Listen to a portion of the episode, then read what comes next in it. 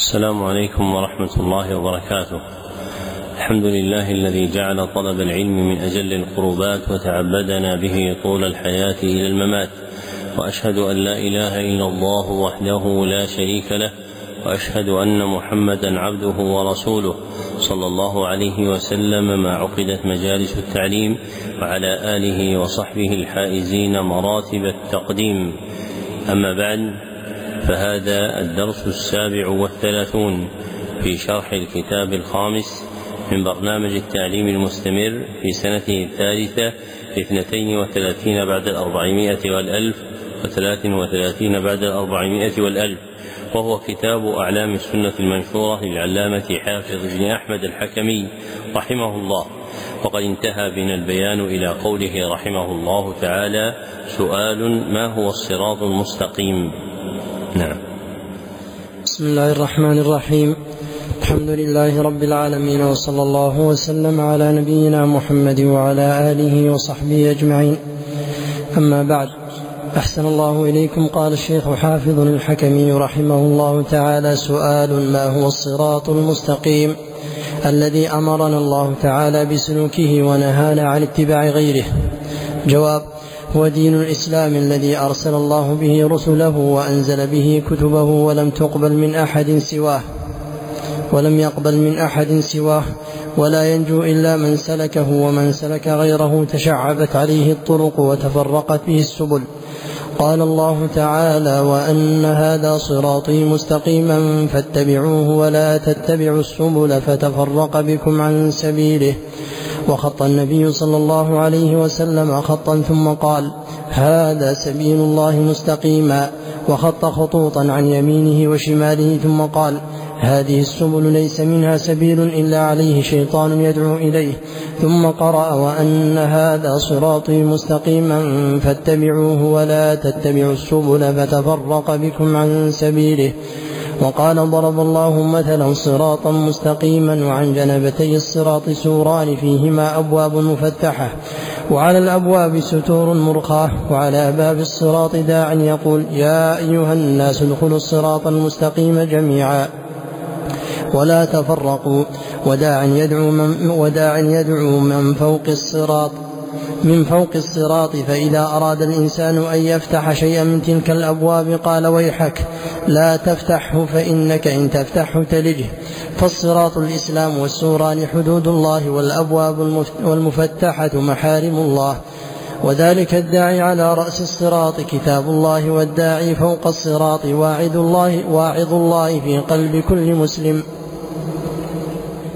لما فرغ المصنف رحمه الله تعالى من بيان الأسئلة المتعلقة بأركان الإيمان وهي زبدة المعتقد أصالة أورد تتمات وتكملات لجمل المعتقد ضمنها مسائل متفرقة ابتدأها ببيان حقيقة الصراط المستقيم وما يقابله فقال سؤال ما هو الصراط المستقيم الذي أمرنا الله تعالى بسلوكه ونهانا عن اتباع غيره ثم أجاب عنه بقوله هو دين الإسلام الذي أرسل الله به رسله إلى تمام جوابه. فبين أن الصراط المستقيم الذي أمر الله عز وجل باتباعه في قوله وأن هذا صراطي مستقيما فاتبعوه أنه دين الإسلام. وذكر الدليل المرشد إلى كونه دين الإسلام بما أورده من حديث النواس بن سمعان وفيه قوله صلى الله عليه وسلم فالصراط الإسلام فهذا الحديث صريح في بيان أصل وضع هذه الكلمة وأنها موضوعة في الشرع للدلالة على دين الإسلام. وحديث النواس رواه الترمذي وابن ماجه بإسناد ضعيف ورواه أحمد بإسناد حسن. فإسناده عند أحمد أولى وأعلى من الإسناد الذي روي به عند الترمذي وابن ماجه وإن كان أحق بالعزو إليهما لأنهما من الستة. لكن إسناد أحمد إسناد حسن فهو حديث ثابت عن النبي صلى الله عليه وسلم مفسر حقيقة الصراط الذي أمرنا باتباعه. وقوله صلى الله عليه وسلم في آخر الحديث والداعي من فوق الصراط واعظ الله في قلب كل مسلم هو الذي درج متأخر الأدباء على تسميته بالضمير الحي والاسم الشرعي مغن عنه فواعظ الله في قلب كل عبد مسلم مما يعظه ويوقظه وينبهه إلى ما يجب سلوكه وما ينبغي تركه هو الحقيق بهذا اي الاسم دون اسم الضمير الحي.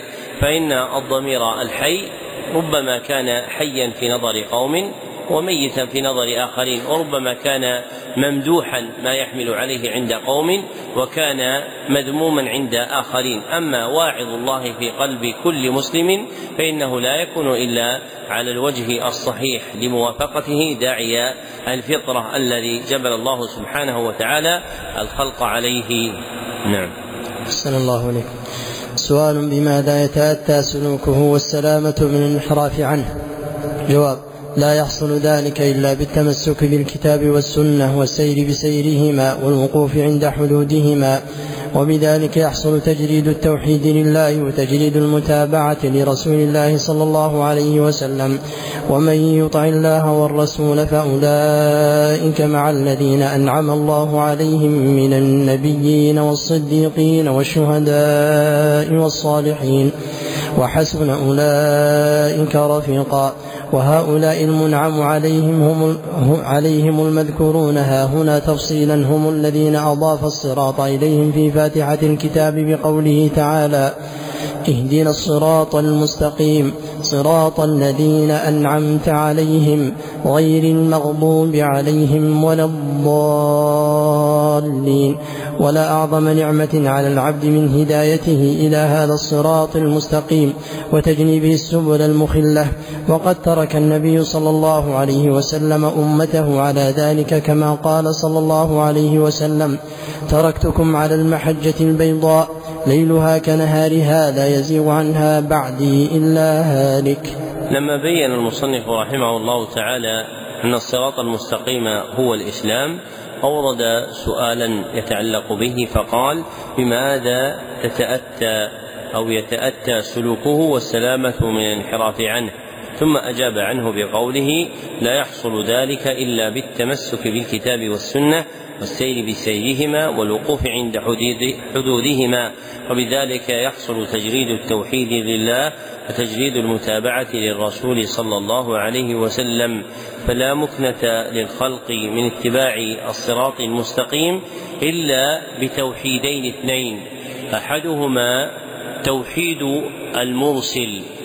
في العبادة والثاني توحيد المرسل في المتابعة. فالمرسل هو الله سبحانه وتعالى وتوحيده يكون بإخلاص العبادة له وحده. والموصل إلينا هو محمد صلى الله عليه وسلم وما يجب له من حق التوحيد والتفريد يكون بتجريد المتابعة له صلى الله عليه وسلم. فمن وحد الله عز وجل بعبادته ووحد النبي صلى الله عليه وسلم في متابعته فلم يخلطه بآخر معظم عنده يجعله شريكا له في الطاعة والاتباع. فإن ذلك يكون سالكا الصراط المستقيم.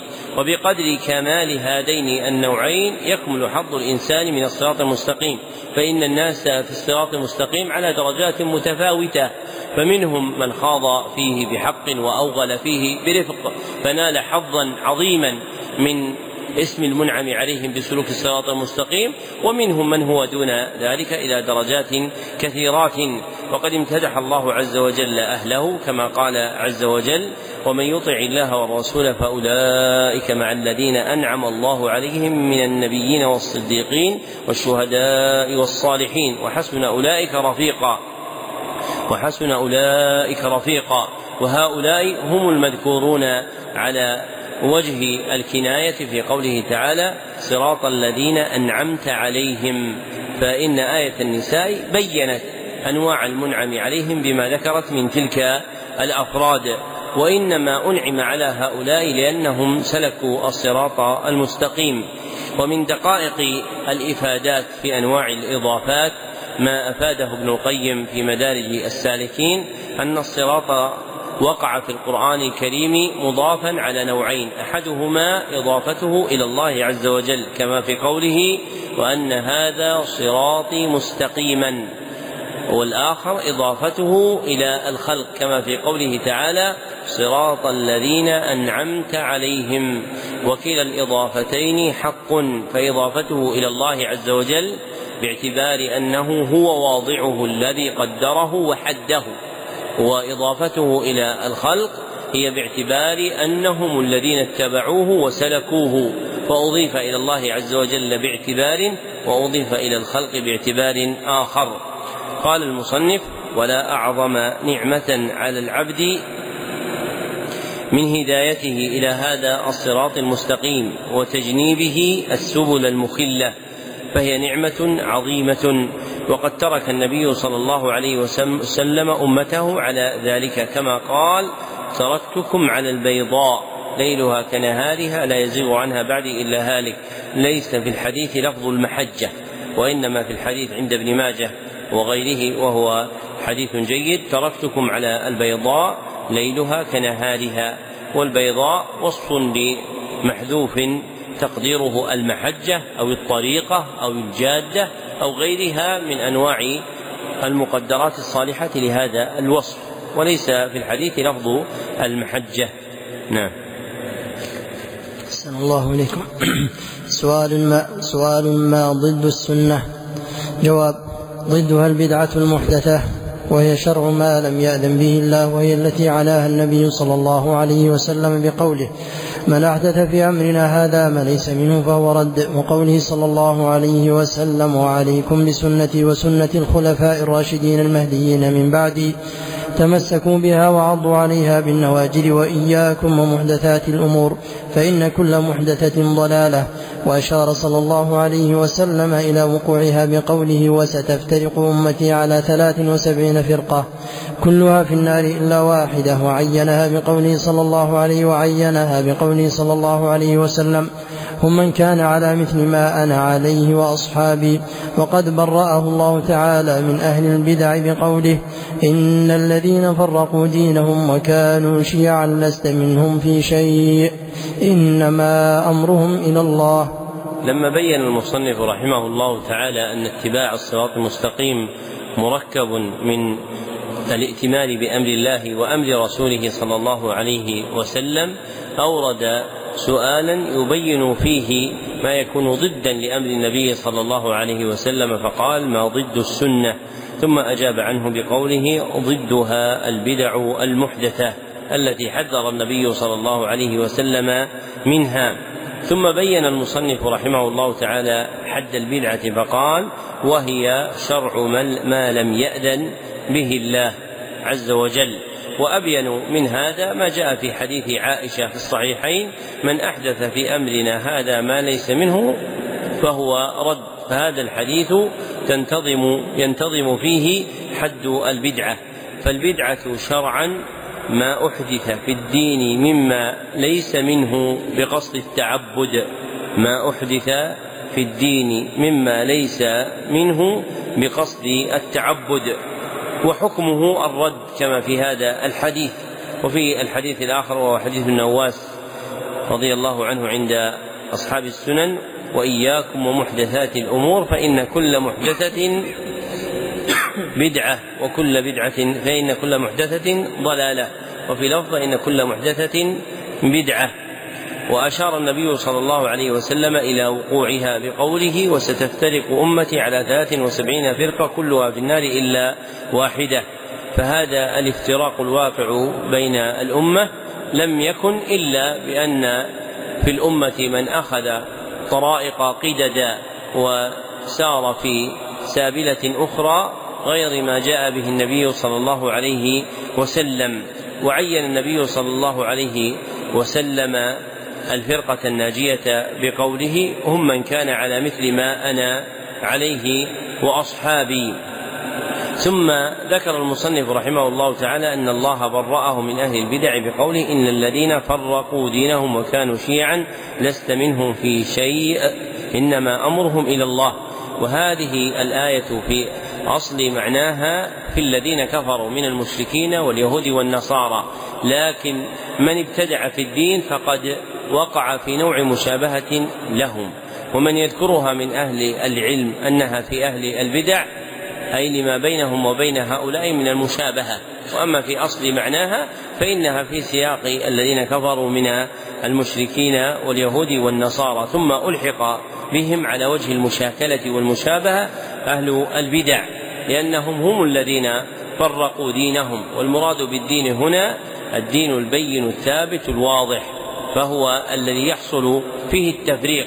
وأما المسائل المختلف فيها بين أهل العلم فليست من المندرجة في قوله تعالى إن الذين فرقوا دينهم لأن المراد بالدين المتخذ لعبودية الله عز وجل والدينونة له. فما كان كذلك من الواضح الجلي فمن فارق فيه فهو ضال مبتدع. وأما ما لم يكن كذلك فهو مما يجري فيه الخلاف بين أهل العلم بدلائله الموضحة من الكتاب والسنة. نعم. أحسن الله إليكم سؤال. إلى كم قسم تنقسم البدعة باعتبار خلالها إخلالها بالدين؟ جواب تنقسم إلى قسمين بدعة مكفرة وبدعة دون ذلك. لما ذكر المصنف رحمه الله تعالى فيما سبق أن من تمام النعمة هداية العبد إلى الصراط المستقيم وتجنيبه السبل المخلة ذكر في هذا السؤال طلبا في قسمة البدع التي تخل بالدين باعتبار ما تخل به من دين العبد. فقال إلى كم قسم تنقسم البدعة باعتبار إخلالها بالدين؟ أي باعتبار ما تلحق به دين العبد من السوء. ثم أجاب عنه بقوله تنقسم إلى قسمين أحدهما بدعة مكفرة والآخر بدعة دون ذلك أي غير مكفرة. وذكره للبدعة بأنها تكون مكفرة أي باعتبار أثرها. وأما باعتبار أصلها فهي بدعة. فاسم التكفير لاحق لها باعتبار الأثر لا باعتبار أصل الوضع فهي بدعة باعتبار أصل وضعها وهي مكفرة باعتبار أثرها لأن من أهل العلم من استشكل عد البدعة مكفرة لأن الأصل أن يكون العبد على السنة فإن خرج منها خرج إلى بدعة أو خرج إلى كفر فالبدعة شيء والكفر شيء آخر لأن صاحب البدعة لا يخرج ببدعته من الإسلام في الأصل. ثم إن كان ما يخرج به مخرجا من الملة صار مكفرا ولم يكن بدعة. والجواب عن ذلك أن من قال إنها بدعة مكفرة جمع بين مأخذين فجعلها بدعة باعتبار أصل وضعها وجعلها مكفرة باعتبار أثرها الناشئ منها.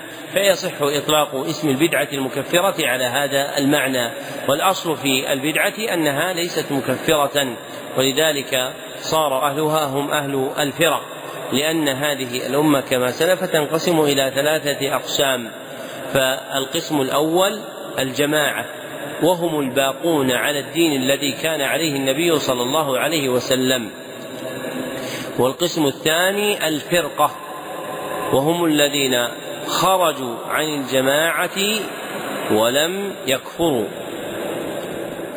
والقسم الثالث الملة وهم الذين خرجوا عن الجماعة فكفروا.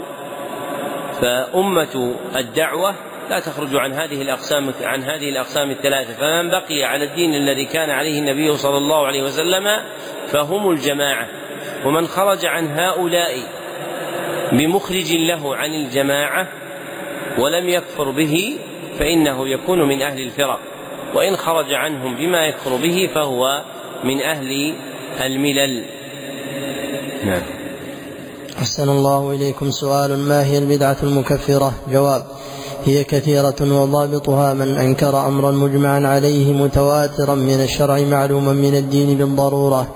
لأن ذلك تكذيب بالكتاب وبما أرسل الله رسله كبدعة الجهمية في إنكار صفات الله عز وجل والقول, والقول بخلق القرآن أو خلق أي صفة من صفات الله عز وجل وإنكار أن يكون الله اتخذ إبراهيم خليلا وكلم موسى تكليما وغير ذلك وكبدعة القدرية في إنكار علم الله تعالى وأفعاله وقضائه وقدره وكبدعة المجسمة الذين يشبهون الله تعالى بخلقه وغير ذلك من الأهواء. ولكن هؤلاء منهم من علم أن عين قصده هدم قواعد الدين وتشكيك أهله فيه فهذا مقطوع بكفره بل هو أجنبي عن الدين من أعدى عدو الله وآخرون مغرورون ملبس عليهم فهؤلاء إنما يحكم بكفرهم بعد إقامة الحجة عليهم وإلزامهم بها.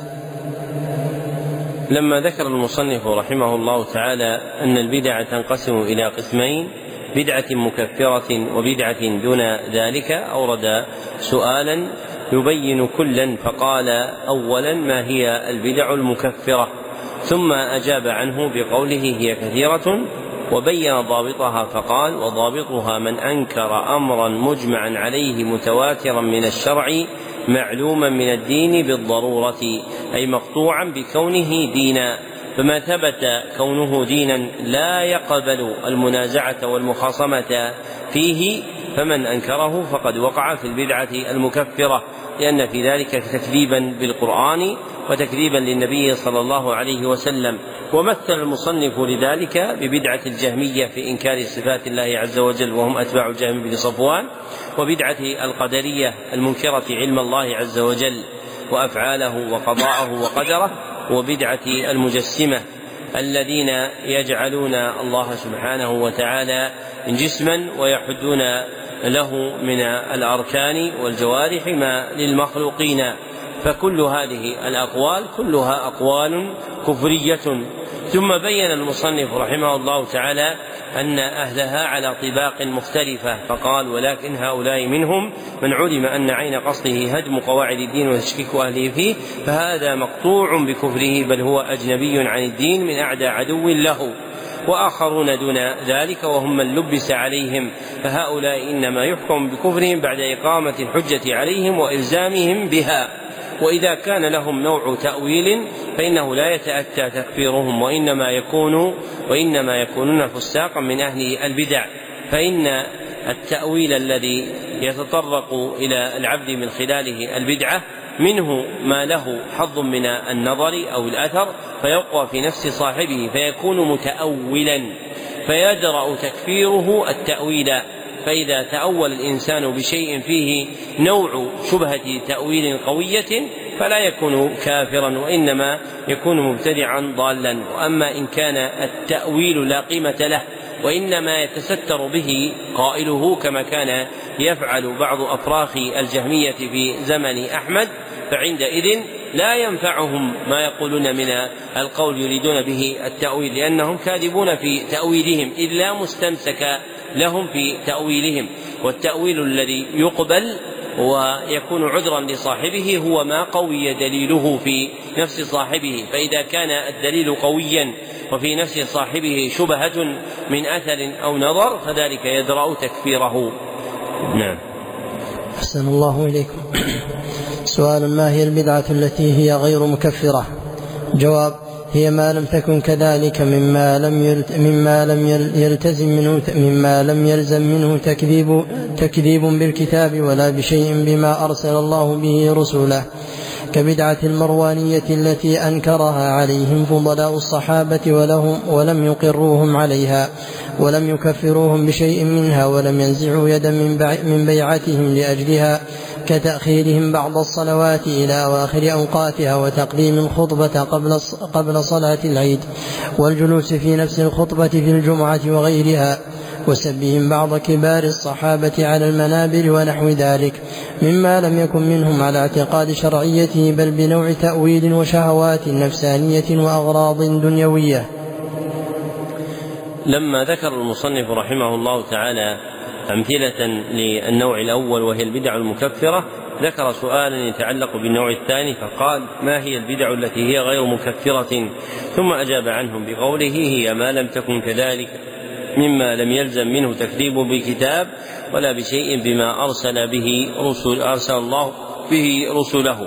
فمتى كانت البدعة لا تبلغ بصاحبها أن يكون مكذبا بالكتاب ولا بشيء مما جاء به النبي صلى الله عليه وسلم؟ فلم تتعلق بإنكار أمر مجمع عليه متواتر من الشرع معلوم بالضرورة فإنها تكون بدعة مفسقة صاحبها ولا تكون مكفرة له. ثم مثل المصنف لها ببدع المروانية. وهم المنسوبون إلى مروان بن الحكم من ذراري بني أمية الذين أحدثوا أمورا لم تكن عند من قبلهم. كما ذكر المصنف رحمه الله تعالى منها تأخيرهم بعض الصلوات وتقديمهم الخطبة قبل العيد والجلوس في نفس خطبة الجمعة وسبهم بعض كبار الصحابة. وما ذكره المصنف رحمه الله تعالى لا يصدق عليه اسم البدعة شرعا لأن البدعة شرعا فيما سلف تكون بقصد التعبد ففاعلها لا يريد بفعلها إلا اتخاذها دينا يدين لله سبحانه وتعالى به. وهؤلاء لم يكونوا يعدون ما يفعلون من الدين وإنما كان لهم نوع مخالفة للشرع فما فعلوه من الأفعال مما أفضى بهم إلى الولوج في التحريم لا يبلغ إلى أن يكون بدعة من البدع. وبنو أمية حصل لهم أغراض نفسانية وتأويلات لأجل أمر الدنيا والمخاصمة والمقاتلة عليها فأحدثوا مخالفات للشرع لكن لا تسمى بدعا لأنهم لم يريدوا كونها دينا. وإنما البدعة التي تكون غير مكفرة هي البدعة التي تكون دينا ولا تفضي بالعبد إلى إنكار الكتاب أو السنة كبدعة المولد النبوي في الاحتفال به. فإن هذه بدعة لأن أصحابها يفعلونها تقربا إلى الله سبحانه وتعالى. وقد جزم ببدعيتها جماعة من القدامى كابن الفاكهاني وغيره من أهل العلم وله مصنف فيها. ثم صنف بعده الشوكاني كتابا آخر في بدعتها مع آخرين. وهذان الرجلان ليس من الحنابلة. وقد صنف في بدعية المولد وأنه ليس من الهدي القويم والشرع الحكيم. نعم. أحسن الله إليكم. سؤال كم أقسام البدع بحسب ما تقع بحسب ما تقع فيه؟ جواب تنقسم إلى بدع في العبادات وبدع في المعاملات. سؤال إلى كم قسم تنقسم البدع في العبادات؟ جواب إلى قسمين الأول التعبد بما لم يأذن الله أن يعبد به البتة كتعبد جهلة المتصوفة بآلات اللهو والرقص والصفق والغناء وأنواع المعازف وغيرهما. مما هو في مما هم فيه مضاهئون فعل الذين قال الله تعالى فيهم وما كان صلاتهم عند البيت إلا مكاء وتصدية. والثاني التعبد بما أصله مشروع ولكن وضع في غير موضعه ككشف الرأس مثلا. وفي الإحرام عبادة مشروعة فإذا فعله غير المحرم في الصوم أو في الصلاة أو غيرهما بنية التعبد كان بدعة محرمة. وكذلك فعل سائر العبادات المشروعة في غير ما تشرع فيه كالصلوات كصلوات النفل في أوقات النهي وكصيام يوم الشك وصيام العيدين ونحو ذلك. كم حالة للبدعة مع العبادة سؤال كم حالة للبدعة مع العبادة التي تقع فيها؟ جواب لها حالتان الأولى أن تبطلها جميعا كمن زاد في صلاة الفجر ركعة ثالثة أو في المغرب رابعة أو في, الرابع أو في الرباعية خامسة متعمدا. وكذلك إن نقص مثل ذلك. الحالة الثانية أن تبطل البدعة وحدها كما هي باطلة ويسلم العمل الذي وقعت فيه. كمن زاد في الوضوء على ثلاث غسلات فإن النبي صلى الله عليه وسلم لم يقل ببطلانه بل قال فما زاد على هذا فقد أساء وتعدى. فمن زاد على هذا فقد أساء وتعدى وظلم ونحو ذلك. سؤال ما هي البدع في المعاملات؟ جواب هي اشتراط هي اشتراط ما ليس في كتاب الله ولا في سنة رسوله صلى الله عليه وسلم كاشتراط الولاء لغير المعتق لغير المعتق كما في قصة بريرة لما اشترط أهلها الولاء قال لما اشترط أهلها الولاء قام النبي صلى الله عليه وسلم فحمد الله وأثنى عليه ثم قال أما بعد فما بال رجال يشترطون شروطا ليست في كتاب الله فأيما شرط ليس في كتاب الله فهو باطل.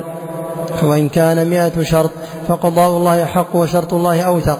ما بال رجال منكم يقول أحدهم أعتق يا فلان ولي الولاء. إنما الولاء لمن أعتق وكذلك كل شرط أحل حراما أو حرم حلالا. لما فرغ المصنف رحمه الله تعالى من بيان أقسام البدعة باعتبار إخلالها بالدين ذكر تقسيما آخر لها بحسب ما تقع فيه. فإن الشيء قد يقسم إلى أنواع عدة باعتبار مآخذ متعددة. ومن استوفى معرفة المآخذ التي تقسم بها الأشياء تبينت له المسائل واضحة جلية. فمن محاسن الفهم أن يتعرف الإنسان إلى مآخذ قسمة المسائل العلمية لأنها تبينها له بيانا واضحا. فمن مآخذ تقسيم البدع تقسيمها بحسب ما تقع فيه. وسأل المصنف سؤالا فيه فقال كم أقسام البدع بحسب ما تقع فيه؟ ثم أجاب عنه بقوله تنقسم إلى بدع في العبادات وبدع في المعاملات فهي باعتبار هذا المأخذ نوعان أحدهما بدع العبادات والآخر بدع المعاملات. ثم أورد سؤالا آخر يتعلق بالماضي فقال إلى كم قسم تنقسم البدع في العبادات؟ ثم أجاب عنه بقوله إلى قسمين الأول التعبد بما لم يأذن الله أن يعبد به البتة كتعبد جهلة المتصوفة بآلات اللهو والرقص والثاني التعبد بما أصله مشروع ولكن وضع في غير موضعه ككشف الرأس مثلا وهو في الإحرام عبادة مشروعة فإذا فعله غير المحرم في الصوم أو في الصلاة أو غيرها بنية التعبد كان بدعة محرمة. والفرق بين هذين النوعين عند أهل العلم أن البدعة في النوع الأول بدعة خالصة باعتبار وضعها وفي النوع الثاني بدعة إضافية فهم يريدون بالبدعة الإضافية ما كان أصلها مشروعا لكن وقع في غير موقعه فصار بالإضافة إلى غيره غير موافق فصار بالإضافة إلى غيره غير موافق للشرع فيكون بدعة إضافية بخلاف الأول الذي تخلص فيه البدعة وتتمحض فلا تكون مشروعة بأصلها كتعبد جهلة المتصوفة بآلات اللهو والرقص والصرخ والغناء وأنواع المعازف فإن هذا الأصل كله من التعبد لا يوجد في شريعة الإسلام وهو مضاهاة للذين كفروا في صلاتهم عند البيت الحرام نعم. ثم قال رحمه الله تعالى كم حالة للبدعة مع العبادة التي تقع فيها مريدا بيان أثر البدعة فيما تحل به من العبادة. ثم أجاب عنه بقوله لها حالتان والأفصح كما سلف أن يقال لها حالان لأن كلمة حال تؤنث معنى لا لفظا فلا يقال حالة وإنما يقال حال وتوصف بالتأنيث فيقال الحال الأولى الحال الثانية الحال الثالثة وهلم جرا. فبين رحمه الله تعالى في جواب سؤاله هذا أن البدعة مع العبادة لها حالان فالحال الأولى أن تبطلها جميعا والحال الثانية أن تبطل البدعة وحدها دون بقية العمل. ومثل لذلك في الأول بقوله كمن زاد في صلاة الفجر ركعة ثالثة أو في المغرب رابعة أو في الرباعية خامسة متعمدا وكذلك إن نقص مثل ذلك. على إرادة التعبد بها لا على وجه السهو وإنما فعل ذلك تعبدا وتقربا إلى الله سبحانه وتعالى. فمتى فعل ذلك؟ رجعت هذه الزيادة على العبادة بالإبطال. والحال الثانية أن تبطل العبادة أن تبطل البدعة وحدها. وتبقى أصل ويبقى أصل العبادة لا عيب فيه إلا هذه البدعة بما أنقصت. قال كمن زاد في الوضوء على ثلاث غسلات فإن النبي صلى الله عليه وسلم لم يقل ببطلانه بل قال فمن زاد على هذا فقد أساء وتعدى وظلم فلم يحكم النبي صلى الله عليه وسلم ببطلان عمله وإنما أخبر عن سوءه فيما فعل. فهذا السوء أوجب نقص الأجر لا بطلان العمل. فإن قال قائل فإن قوله صلى الله عليه وسلم فمن زاد على هذا قد أساء وتعدى وظلم يشير إلى بطلان عمله لأنه قال قد أساء وتعدى وظلم فيكون من سوء عمله أنه أبطل عبادته التي فعل فما الجواب؟ أحسنت. أن النبي صلى الله عليه وسلم في هذا الحديث لم يأمر من فعل ذلك بإعادة الوضوء وتأخير البيان عن وقت الحاجة لا يجوز فإنه قاله بيانا لما يجب على العبد في وضوئه فلما ذكر زيادته عليه بين أنه قد أساء وتعدى وظلم في هذه الزيادة ولم يأمره بأن يعيد وضوءه فعلم أن الوضوء صحيح في فعله مع نقص أجر صاحبه وسوء عمله الذي زاده. ثم أورد سؤالا متمما لما سبق فقال ما هي البدع في المعاملات ثم أجاب عنه بقوله هي اشتراط ما ليس في كتاب الله ولا في سنة رسوله صلى الله عليه وسلم. وهذا نوع من أنواع البدع إن أريد به التعبد لأن شرط البدعة أن تكون مرادة على وجه التعبد وفاعل البدعة لا يفعلها إلا على وجه التقرب إلى الله سبحانه وتعالى. فإذا كان هذا الاشتراط على وجه إرادة التقرب لله سبحانه وتعالى به وجعله دينا فهذا مما يصدق عليه ذلك. وكذلك في باب المعاملات كافة. إذا فعله الإنسان على إرادة التعبد كان كذلك. وأما إن فعله على غير وجه التعبد فإنه لا يكون بدعة وإنما يكون مخالفا لأمر الشرع. فما ذكره المصنف رحمه الله تعالى من قوله كاشتراط الولاء لغير المعتق وما ذكره من دليله لا يكون نسقا مع ما سبق ذكره في بيان البدعة وأنها مفعولة على وجه القربة إلى الله سبحانه وتعالى فإن هذا لم يفعل على إرادة التقرب إلى الله سبحانه وتعالى. ومتى فعل الإنسان شيئا من أنواع المعاملات على وجه القربة؟ كما يفعله في العبادات المحضة كان بدعة. كمن يعتقد تخصيص عقد النكاح بزمن أو مكان أنه أفضل بركة فإنه يكون حين ذلك بدعة لأجل إرادة معنى التعبد بجعل ذلك النوع من المعاملة وهي النكاح في ذلك الزمان أو ذلك المكان أو أن يعتقد أنه إذا كتب العقد فلان بنوع من الحبر وتعبدوا الله سبحانه وتعالى بذلك النوع من الحبر كان كانت التجارة رابحة والعقد خيرا على صاحبه فمثل ذلك بدعة من البدع كمن يأخذ ماء زمزم ويجعله مدادا للحبر. ويعتقد أن كتابة العقود بهذا الماء الممزوج أكثر بركة ويتعبد الله عز وجل بالتقرب بذلك هذا فيه معنى البدعة في المعاملة والبدع في المعاملات أقل منها في العبادات المتمحضة. نعم. أحسن الله إليكم سؤال. ما الواجب التزامه في أصحاب رسول الله صلى الله عليه وسلم وأهل بيته؟ جواب الواجب لهم علينا سلامة قلوبنا وألسنتنا لهم ونشر فضائلهم والكف عن مساويهم وما شجر بينهم والتنويه بشأنهم كما نوه تعالى بذكرهم في التوراة والإنجيل والقرآن. وثبتت الأحاديث الصحيحة في الكتب المشهورة من الأمهات وغيرها في فضل في فضائلهم. قال الله عز وجل محمد رسول الله والذين معه أشداء على الكفار رحماء بينهم تراهم ركعا سجدا يبتغون فضلا من ربهم ورضوانا سيماهم في وجوههم من أثر السجود. ذلك مثلهم في التوراة ومثلهم في الإنجيل كزرع أخرج شطأه فآزره فاستغلظ فاستوى على سوقه. يعجب الزراع ليغيظ بهم الكفار. وعد الله الذين آمنوا وعملوا الصالحات منهم مغفرة وأجرا عظيما. وقال تعالى والذين آمنوا وهاجروا وجاهدوا في سبيل الله والذين آووا ونصروا أولئك هم المؤمنون حقا. لهم مغفرة ورزق كريم. وقال تعالى والسابقون الأولون من المهاجرين والأنصار والذين اتبعوهم بإحسان رضي الله عنهم ورضوا عنه. وأعد لهم جنات تجري من تحتها الأنهار خالدين فيها أبدا. ذلك الفوز العظيم. وقال تعالى لقد تاب الله على النبي والمهاجرين والأنصار الذين اتبعوه في ساعة العسرة الآية.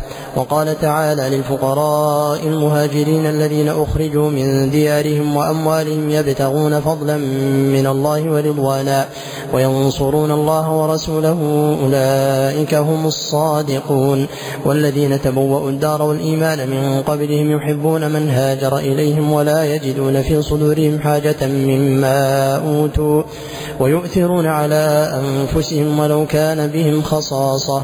وغيرها وغير وغيرها كثير. ونعلم ونعتقد أن الله تعالى اطلع على أهل بدر فقال اعملوا ما شئتم فقد غفرت لكم وكانوا ثلاثمائة وبضع عشر, وبضع عشر. وبأنه لا يدخل النار أحد ممن بايع تحت الشجرة بل قد رضي الله عنهم ورضوا عنه. وكانوا ألفا وأربعمائة وقيل وخمسمائة. قال تعالى لقد رضي الله عن المؤمنين إذ يبايعونك تحت الشجرة فعلم ما في قلوبهم الآية. ونشهد بأنهم أفضل القرون من هذه الأمة التي هي أفضل الأمم وأن من أنفق مثل أحد ذهبا ممن بعدهم لم يبلغ مد أحدهم ولا نصيفه. مع, مع الاعتقاد أنهم لم يكونوا معصومين بل يجوز عليهم الخطأ ولكنهم مجتهدون للمصيب منهم أجران ولمن أخطأ واحد على اجتهاده وخطأه مغفور ولهم من الفضائل والصالحات والسوابق ما يذهب سيء ما وقع منهم. إن وقع وهل يغير يسير النجاسة البحر إذا وقعت فيه؟ رضي الله عنهم وأرضاهم. وكذلك القول في زوجات النبي صلى الله عليه وسلم وأهل بيته الذين أذهب الله عنهم الرجس وطهرهم تطهيرا. ونبرأ من كل من وقع في صدره أو لسانه سوء على أصحاب رسول الله صلى الله عليه وسلم وأهل بيته أو على أحد منهم ونشهد الله تعالى على حبهم وموالاتهم والذب عنهم ما استطعنا حفظا لرسول الله صلى الله عليه وسلم في وصيته إذ يقول لا تسبوا أصحابي الله الله في أصحابي. وقال إني تارك فيكم ثقلين أولهما كتاب الله فخذوا بكتاب الله وتمسكوا به. ثم قال وأهل بيتي أذكركم الله في أهل بيتي الحديث في الصحيحين وغيرهما. شرع المصنف رحمه الله تعالى في جملة أخرى من تتمات المعتقد. وهي القول في أصحاب النبي صلى الله عليه وسلم وأهل بيته. وكانت الأمة في الصدر الأول مجتمعة على إعظامهم ومعرفة حق حق كل من الصحابة وأهل البيت. ثم وقعت الفتنة بعد ذهاب كثير من كبار الصحابة ونجمت في الأمة نجمة ناجمة الفتن بافتراق الأمة إلى فرق بدأت أولا بفرقة الرافضة والخوارج ثم تكاثرت الفرق التي لها قول في أصحاب النبي صلى الله عليه وسلم وأهل بيته واضمحل كثير منها وبقيت منها بقية إلى زماننا هذا. فصار من طريقة أهل السنة والجماعة ذكر ما يجب لأصحاب النبي صلى الله عليه وسلم ولأهل بيته من الحق. وقد ذكر المصنف رحمه الله تعالى هنا تبعا لغيره سؤالا في بيان ما لهم فقال ما الواجب التزامه في أصحاب رسول الله صلى الله عليه وسلم وأهل بيته؟ ثم أجاب عنه بقوله الواجب لهم علينا سلامة قلوبنا وألسنتنا لهم ونشر فضائلهم ونشر فضائلهم والكف عن مساوئهم وما شجر بينهم والتنويه بشانهم كما نوه تعالى بذكرهم في التوراة والإنجيل والقرآن وثبتت الأحاديث الصحيحة في الكتب المشهورة من الأمهات وغيرها في فضائلهم. فالواجب على العبد إزاء أصحاب النبي صلى الله عليه وسلم عموما وأهل بيته منهم ومن بعده خصوصا معرفة ما لهم من الحق بحفظ أقدارهم ونشر محاسنهم وفضائلهم والكف عما شجر بينهم وسلامة قلب العبد لكل منهم فإنهم خيرة الله عز وجل من خلقه. وليس بعد الأنبياء والرسل أحد أفضل من أصحاب النبي صلى الله عليه وسلم. وذكر المصنف رحمه الله تعالى من الآي والحديث ما يدل على فضيلة أصحاب النبي صلى الله عليه وسلم وأهل بيته. وأصحاب النبي صلى الله عليه وسلم هم من لقي النبي صلى الله عليه وسلم مؤمنا به ومات على ذلك. فمتى كان الرجل أو المرأة لاقيا النبي صلى الله عليه وسلم وكان حال ذلك مؤمنا فإنه يكون من أصحاب النبي صلى الله عليه وسلم إذا مات على ذلك ويكون له حق الصحبة وإن قل حظه من صحبة النبي صلى الله عليه وسلم. وقد أدخل المصنفون في أصحاب النبي صلى الله عليه وسلم من شرف بلقاء النبي صلى الله عليه وسلم فعدوه صحابيا فيثبت له حق الصحبة. ووقع في الأحاديث ما يتوهم بعض الناس أن فيه تفريقا بين من كان مع النبي صلى الله عليه وسلم وأن منهم من كان صحابيا ومنهم من ليس كذلك. كما قال النبي صلى الله عليه وسلم لما وقع بعض الناس في خالد وغيره هل أنتم تاركوا لي أصحابي فقالوا إن أصحاب النبي صلى الله عليه وسلم هم من أسلم قبل الفتح وأما من أسلم بعد الفتح فلا يعد من أصحابه. وكل هذه أقوال ضعيفة جهلوا بها مأخذ المسألة فتكلموا بمثل ما تكلموا به. وإلا فالذي دلت عليه الأحاديث من الحديث السابق وغيره أن هؤلاء جميعا أصحاب النبي صلى الله عليه وسلم إلا أنهم على نوعين.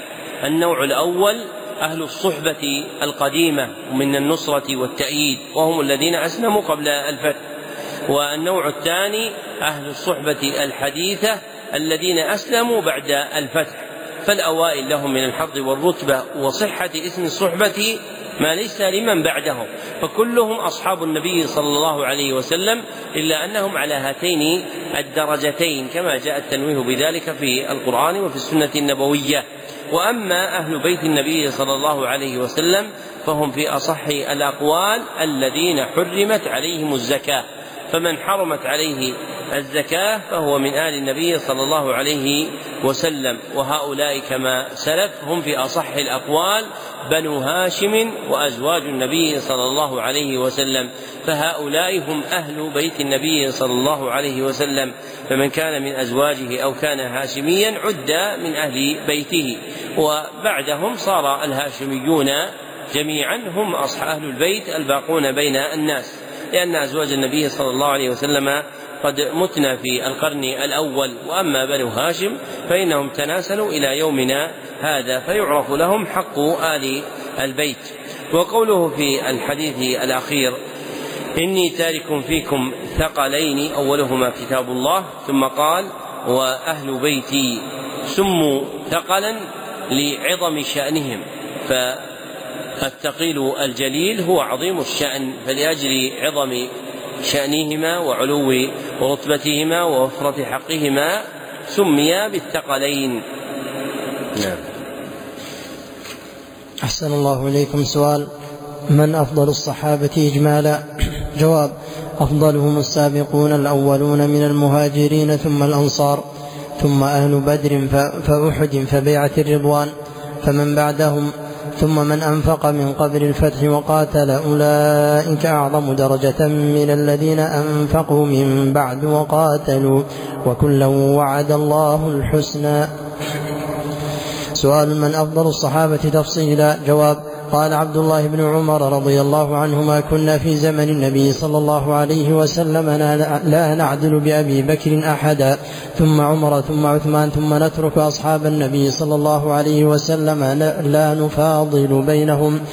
وقال النبي صلى الله عليه وسلم لأبي بكر في الغار ما ظنك باثنين الله ثالثهما؟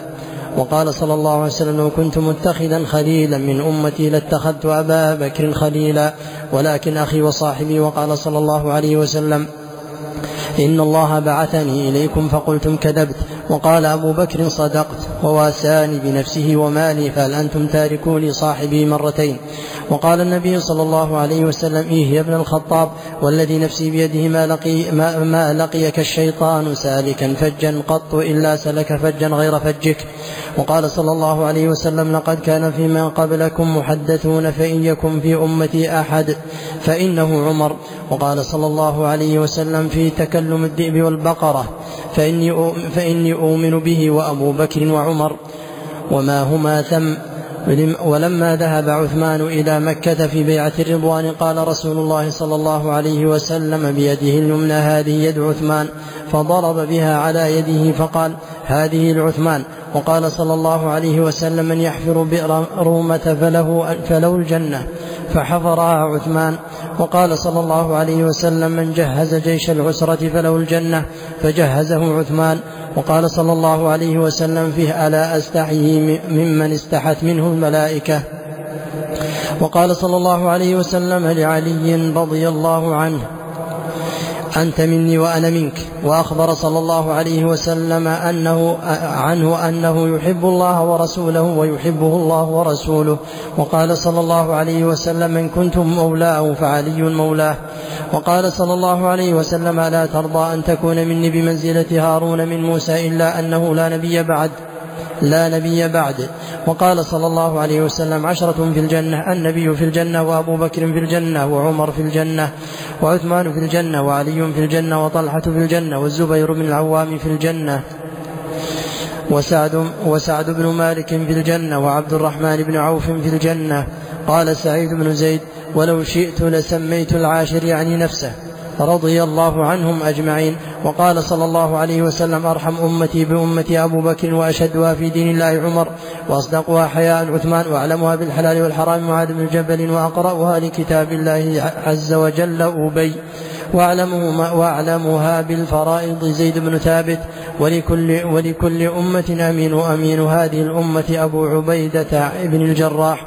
وقال صلى الله عليه وسلم وقال صلى الله عليه وسلم الحسن والحسين وقال صلى الله عليه وسلم في الحسن والحسين وإنهما سيدا شباب أهل الجنة وإنهما ريحانتاه وقال صلى الله عليه وسلم اللهم إني أحبهما فأحبهما.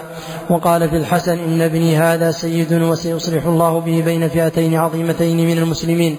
فكان الأمر كما قال وقال في أمهما إنها سيدة نساء أهل الجنة وقد ثبت لكثير من الصحابة فضائل على العموم والانفراد كثيرة لا تحصى ولا يلزم من إثبات فضيلة لأحدهم في شيء أن يكون أفضل من الآخرين من كل وجه إلا الخلفاء الأربعة. أما الثلاثة في الحديث ابن عمر السابق أما علي ففي إجماع المسلمين أنه كان بعدهم أفضل من من على وجه الأرض. لما ذكر المصنف رحمه الله تعالى ما ينبغي لأصحاب النبي صلى الله عليه وسلم من الحق علينا أورد سؤالا يتعلق بمعرفة مقامهم فقال سؤال من أفضل الصحابة اجمالا؟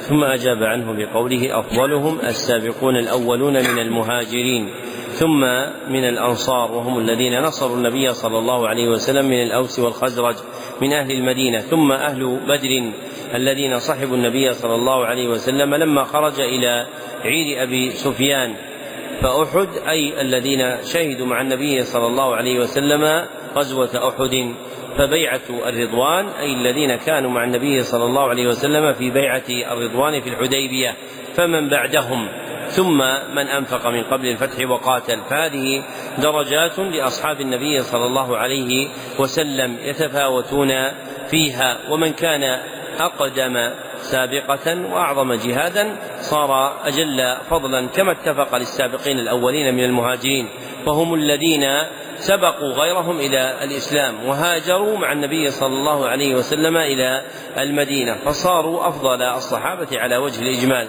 ثم من تلاهم وهم الأنصار ثم من كان من أهل بدر ثم من كان من أهل أحد ثم من كان من بيعة الرضوان ثم من كان بعدهم ثم من أنفق من بعد الفتح وقاتل. ثم أورد سؤالا آخر يطلب فيه معرفة أفضل الصحابة على وجه التفصيل فقال سؤال من أفضل الصحابة تفصيلا.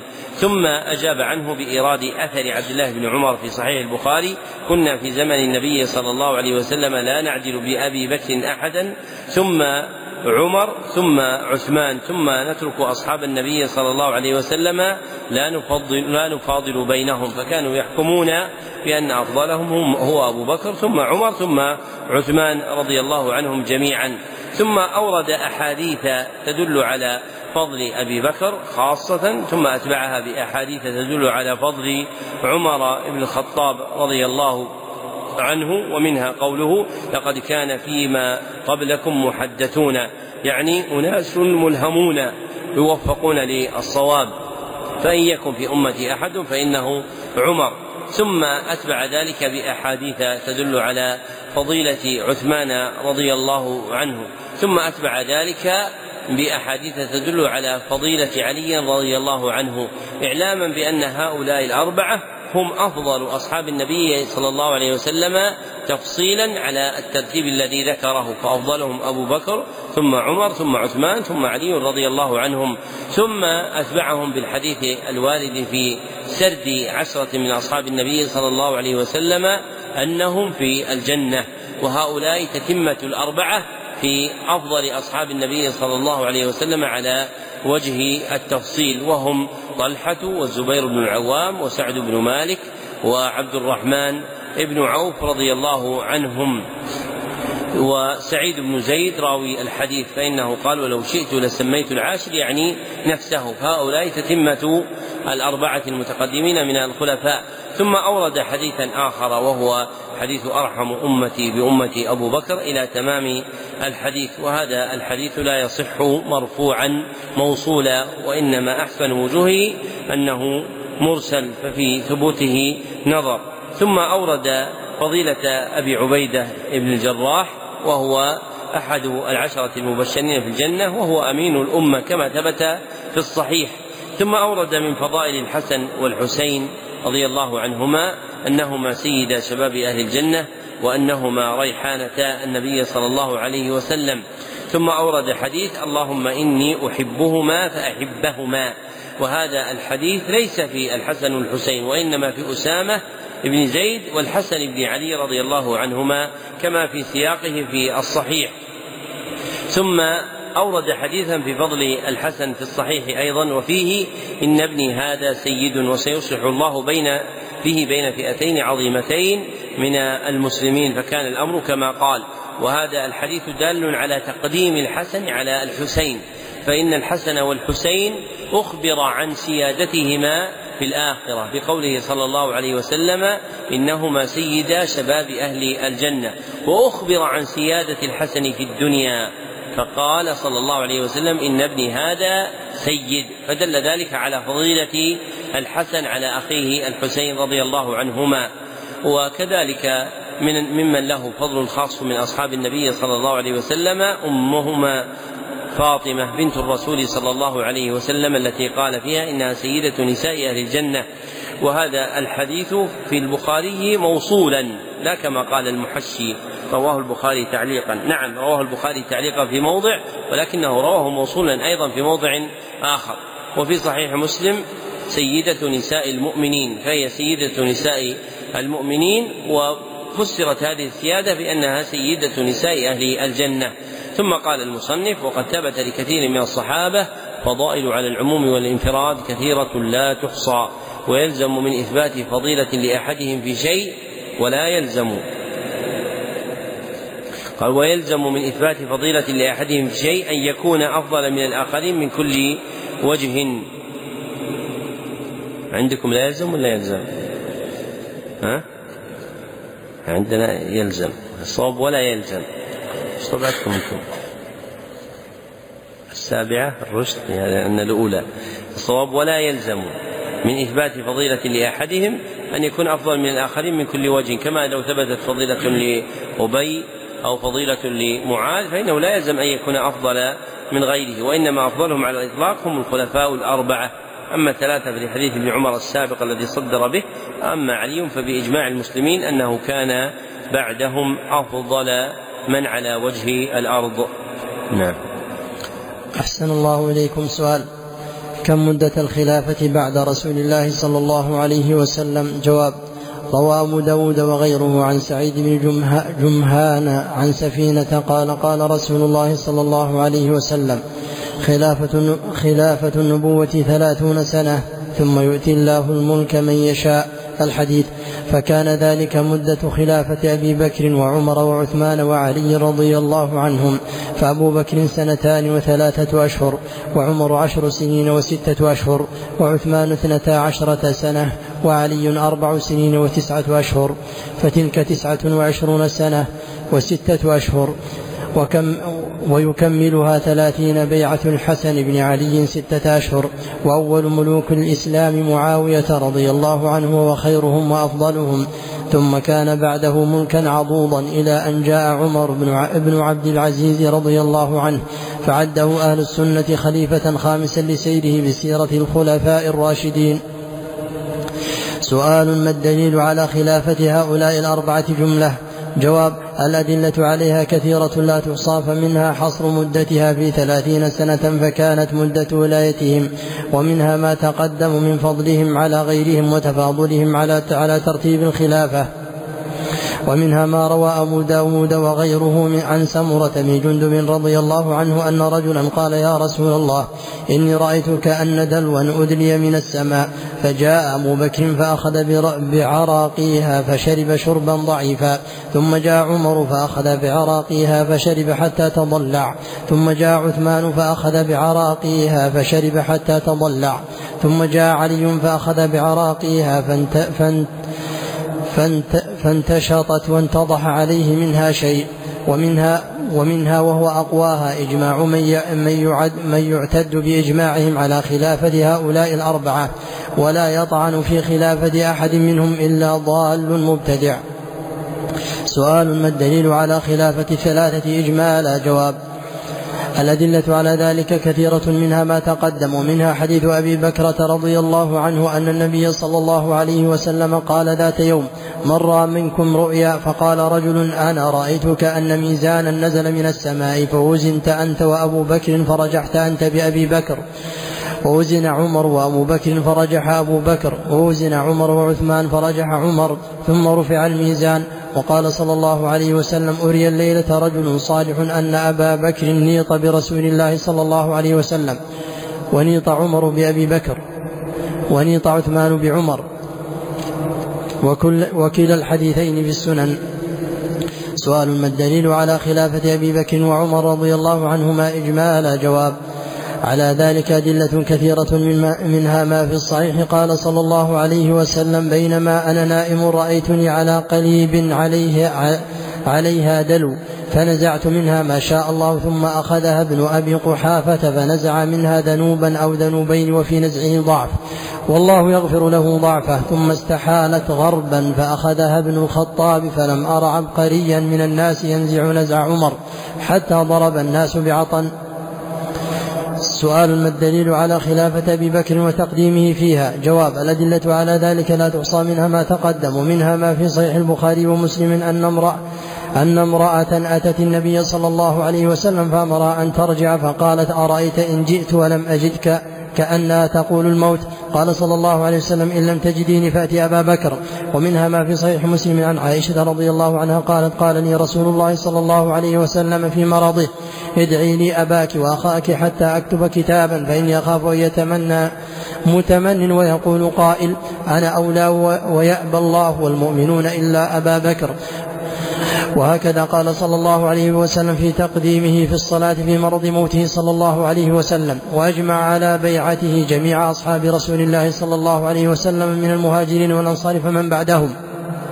سؤال ما الدليل على تقديم عمر في الخلافة بعد أبي بكر؟ جواب أدلة أدلته كثيرة منها ما تقدم ومنها قوله صلى الله عليه وسلم إني لا أدري ما أقدر ما أقدر ما قدر بقائي فيكم فاقتدوا بالذين من بعدي وأشار إلى أبي بكر وعمر رضي الله عنهما ومنها ما في حديث الفتنة التي تموج كموج البحر. قال حذيفة رضي الله عنه لعمر إن بينك وبينها بابا مغلقا. قال أيفتح أم يكسر؟ قال بل يكسر. قال عمر إذا لا يغلق. فكان الباب عمر وكسره قتله. فلم يرفع بعد السيف بين الأمة وقد أجمعت الأمة على تقديمه في الخلافة بعد أبي بعد أبي بكر رضي الله عنهما. سؤال ما الدليل على تقديم عثمان بعدهما في الخلافة؟ جواب الأدلة على ذلك كثيرة منها ما تقدم ومنها حديث كعب بن عجرة. قال ذكر رسول الله صلى الله عليه وسلم فتنة فقربها فمر رجل مقنع, مقنع رأسه فقال رسول الله صلى الله عليه وسلم هذا يومئذ هذا يومئذ على الهدى فوتبت فأخذت بضبعي عثمان ثم استقبلت رسول الله صلى الله عليه وسلم فقلت هذا قال هذا رواه ابن ماجه ورواه الترمذي عن مرة بن كعب وقال هذا حديث حسن صحيح وعن عائشة رضي الله عنها قالت قال رسول الله صلى الله عليه وسلم يا عثمان إن, إن ولاك الله هذا الأمر يوما فأرادك المنافقون أن تخلع قميصك الذي قمصك الله فلا تخلعه. يقول ذلك ثلاث مرات رواه ابن ماجه بإسناد صحيح والترمذي وحسنه وابن حبان في صحيحه. وأجمع على بيعته وأجمع على بيعته أهل الشورى ثم سائر الصحابة. وأول من بايعه علي رضي الله عنه بعد عبد الرحمن بن عوف ثم الناس بعد بعده. سؤال ما الدليل على خلافة علي وأولويته بالحق بعدهم؟ جواب أدلة كثير أدلة ذلك كثيرة منها ما تقدم منها قول النبي صلى الله عليه وسلم ويح عمار تقتله الفئة الباغية. يدعوهم إلى الجنة ويدعونه إلى النار. فكان مع علي رضي الله عنه فقتله أهل الشام وهو يدعوهم إلى السنة والجماعة وطاعة الإمام الحق علي بن أبي طالب رضي الله عنه. والحديث في الصحيح وفيه قال صلى الله عليه وسلم تمرق مارقة على حين فرقة من الناس يقتلهم يقتلهم أولى الطائفتين بالحق. فمرقت الخوارج فقتلهم علي رضي الله عنه يوم النهروان وهو الأولى بالحق بإجماع أهل السنة قاطبة رحمهم الله تعالى. لما ذكر المصنف رحمه الله تعالى ما مضى من فضائل الصحابة وكان المقدم فيهم هم الأربعة أبو بكر وهم الأربعة أبا بكر هم الأربعة أبا بكر وعمر وعثمان وعلي رضي وعلي رضي الله عنهم وكان هؤلاء هم خلفاء النبي صلى الله عليه وسلم في الولاية وتدبير أمر العامة بعده. أورد أسئلة تتعلق بخلافتهم وولايتهم فقال في أولها سؤال كم مدة الخلافة بعد رسول الله صلى الله عليه وسلم؟ ثم أجاب عنه بقوله روى أبو داود وغيره عن سعيد بن جمهان عن سفينة رضي الله عنه قال قال رسول الله صلى الله عليه وسلم خلافة النبوة ثلاثون سنة ثم يؤتي الله الملك من يشاء. الحديث وهو حديث حسن. ثم بين المصنف رحمه الله تعالى تقادير هذه المدة في خلافة أولئك فبين أن مدة خلافة أبي بكر هي سنتان وثلاثة أشهر وأن خلافة عمر عشر سنين وستة أشهر وأن خلافة عثمان اثنتا عشرة سنة وأن خلافة علي أربع سنين وتسعة أشهر فتلك تسع وعشرون سنة وستة أشهر. والستة الباقية كملت جبرا للكسر فهي ثلاثون سنة. وليست خلافة الحسين وليست مدة الحسن بن علي من نفس الخلافة وإنما هي متممة لها. فلم يكن للحسن بن علي بيعة على المسلمين جميعا بل كان المسلمون قد افترقوا وحدثت بينهم الفتنة المعروفة في تاريخ أهل الإسلام. فخلافة النبوة التي أخبر عنها النبي صلى الله عليه وسلم في ثلاثين سنة هي خلافة الأربعة رضي الله عنهم. وهذا الحديث مصرح بلفظه بالجمع بينه وبين الحديث الآخر الوارد في الصحيح الخلفاء اثنا عشر. فقوله صلى الله عليه وسلم الخلفاء اثنا عشر يعني ممن يلي الملك اثنا عشر خليفة لكن خلافة النبوة أي التي هي على طريقة النبوة حذو القدة بالقدة هي التي تكون مدة ثلاثين سنة فلا يخالف هذا الحديث الحديث الآخر. بل تكون الخلافة نوعان إحداهما خلافة النبوة وهي مدة ثلاثين سنة والأخرى خلافة ليست على طريقة النبوة من كل وجه وهي ما كان بعد ذلك من الولايات التي صارت ملكا. فأول ملوك الإسلام هو معاوية رضي الله عنه وهو أفضل ملوك الإسلام بالإجماع. نقله أبو العباس بن تيمية في منهاج السنة والسنة النبوية. فخير ملوك الإسلام وأفضلهم وأعظمهم قدرا هو معاوية رضي الله عنه.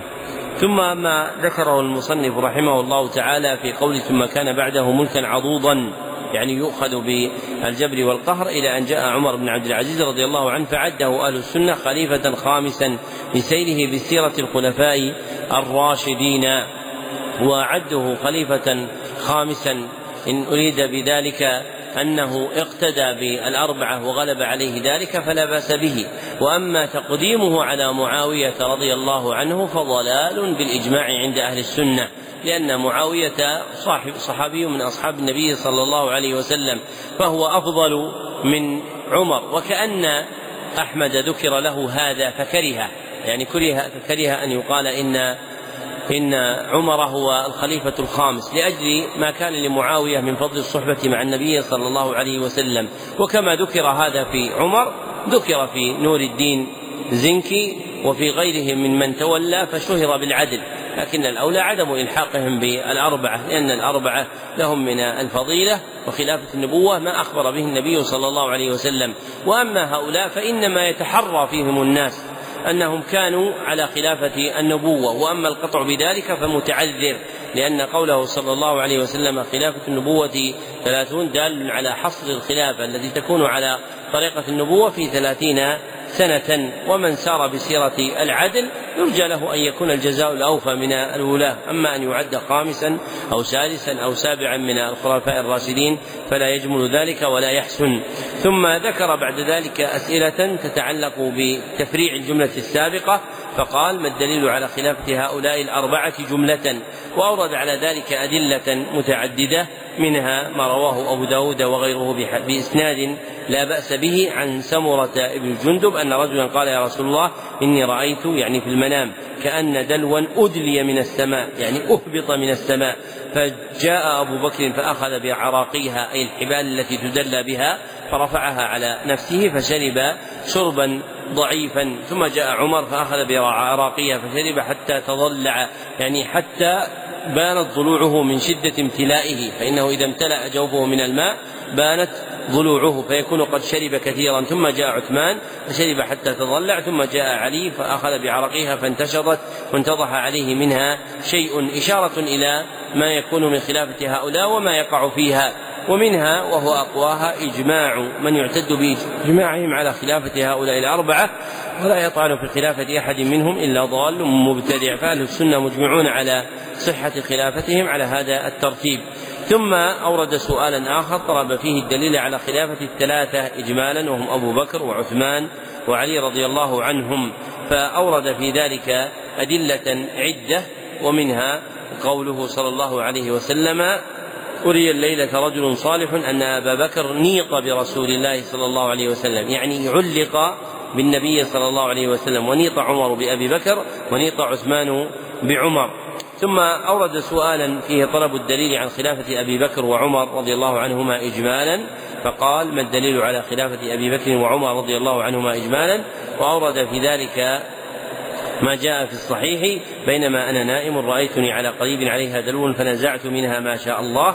يعني أخذت من مائها ما شاء الله ثم أخذها ابن أبي قحافة فنزع منها ذنوبا أو ذنوبين والذنوب اسم للدلو العظيمة وفي نزعه ضعف والله يغفر له ضعفه ثم استحالت غربا يعني أكبر من ذلك فأخذها ابن الخطاب فالذنوب دلو عظيم والغرب أكبر من ذلك وهو معروف عند أهل الزراعة إلى وقت قريب فأخذها ابن الخطاب فلم أرى عبقريا يعني رجلا يأتي بالعجائب. العبقري هو الذي يأتي بالعجائب المستحزنة.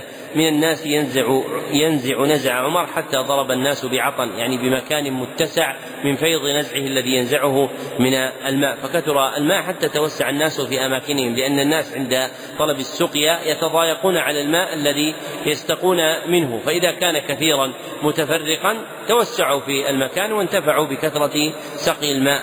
ثم أورد سؤالا فيه طلب الدليل على خلافة أبي بكر خاصة فقال ما الدليل على خلافة أبي بكر وتقدمه فيها؟ ثم أورد أدلة دالة على ذلك في صحيح البخاري وما وقع من الإجماع على بيعته صلى الله عليه وسلم من جميع أصحاب الرسول صلى الله عليه وسلم. ومن تخلف عنهم مدة فقد لحقهم فيما بقي من حياته فبايع أبا بكر واجتمع المسلمون بعد ستة أشهر من موت النبي صلى الله عليه وسلم جميعا على بيعة أبي بكر بالخلافة. ثم أورد سؤالا في طلب دليل على تقديم عمر في الخلافة بعد أبي بكر فقال ما الدليل على تقديم عمر في الخلافة بعد أبي بكر؟ ثم أجاب عن ذلك بقوله أدلته كثيرة من ما تقدم يعني مما نص فيه على أن عمر بعد أبي بكر ومنها قوله صلى الله عليه وسلم إن إني لا أدري ما قدر بقائي فيكم فاقتدوا بالذين من بعدي وأشار إلى أبي بكر وعمر ومنها حديث الفتنة التي تموج كموج البحر وأن بينها وبين المسلمين بابا مغلقا وهذا الباب كما ثبت في الصحيح من كلام حذيفة أنه عمر بن الخطاب رضي الله عنه فلما قتل عمر انفتحت أبواب الفتن على المسلمين وقد أجمعت الأمة على تقديمه في الخلافة بعد أبي بكر. ثم سأل سؤالا آخر خاصا بعثمان فقال ما الدليل على تقديم عثمان بعدهما في الخلافة؟ ثم أجاب بكثرة الأحاديث الواردة في ذلك ومنها حديث كعب بن عجرة قال ذكر رسول الله صلى الله عليه وسلم فتنة فقربها يعني جعلها قريبة فمر رجل مقنع رأسه يعني خافض مطأطئ رأسه فقال رسول الله صلى الله عليه وسلم هذا يومئذ على الهدى وكتبت فأخذت بضبعي عثمان يعني جنبي عثمان ثم استقبلت رسول الله صلى الله عليه وسلم يعني به فقلت هذا قال هذا وهو حديث جيد وأورد حديثا آخر عن عائشة رضي الله عنها أن النبي صلى الله عليه وسلم قال يا عثمان إن ولاك الله هذا الأمر يوما فأرادك المنافقون أن تخلع قميصك الذي قمصك الله فلا تخلعه. يعني ولايتك التي وهبك الله فلا تجبهم إلى ذلك يقول ثلاثة ذلك ثلاث مرات. وعزاه المصنف إلى ابن ماجه بإسناد صحيح وليس كذلك. فإسناد ابن ماجه إسناد ضعيف لكن رواه أحمد وغيره بإسناد لا بأس به فهو حديث حسن. أما إسناد ابن ماجه فهو ضعيف. وذكر إجماع أهل الشورى ثم سائر الصحابة على بيعة عثمان بعد عمر. ثم أورد سؤالا يتعلق بعلي خاصة فقال ما الدليل على خلافة علي وأولويته بالحق بعدهم؟ ثم أجاب عنه بقوله أدلة ذلك كثيرة منها ما تقدم ومنها قول النبي صلى الله عليه وسلم ويح عمار. تقتلك تقتله الفئة الباغية يدعوهم إلى الجنة ويدعونه إلى النار وهو عمار بن ياسر رضي الله عنه. وكان مع علي رضي الله عنه وقتله أهل الشام وهو يدعوهم إلى السنة والجماعة وطاعة الإمام الحق علي بن أبي طالب. فعلم أن ولايته رضي الله عنه كانت هي المقدمة على مخالفيه. وفي الصحيح أيضا تمرق مارقة على حين فرقة من الناس يقتلهم أولى الطائفتين بالحق ومارقة الخوارج الذين قتلهم هو علي رضي الله عنه فإنه قاتلهم يوم النهروان وقتل أكابر أكابرهم المعظمين فيهم فهو الأولى بالحق بإجماع أهل السنة قاطبة بعد الخلفاء الثلاثة فكانت خلافته هي الخلافة الرابعة المتممة لخلافة النبوة ثلاثين سنة وهذا آخر البيان على هذه الجملة من الكتاب. ونتمم بقيته إن شاء الله تعالى في الأسبوع المقبل.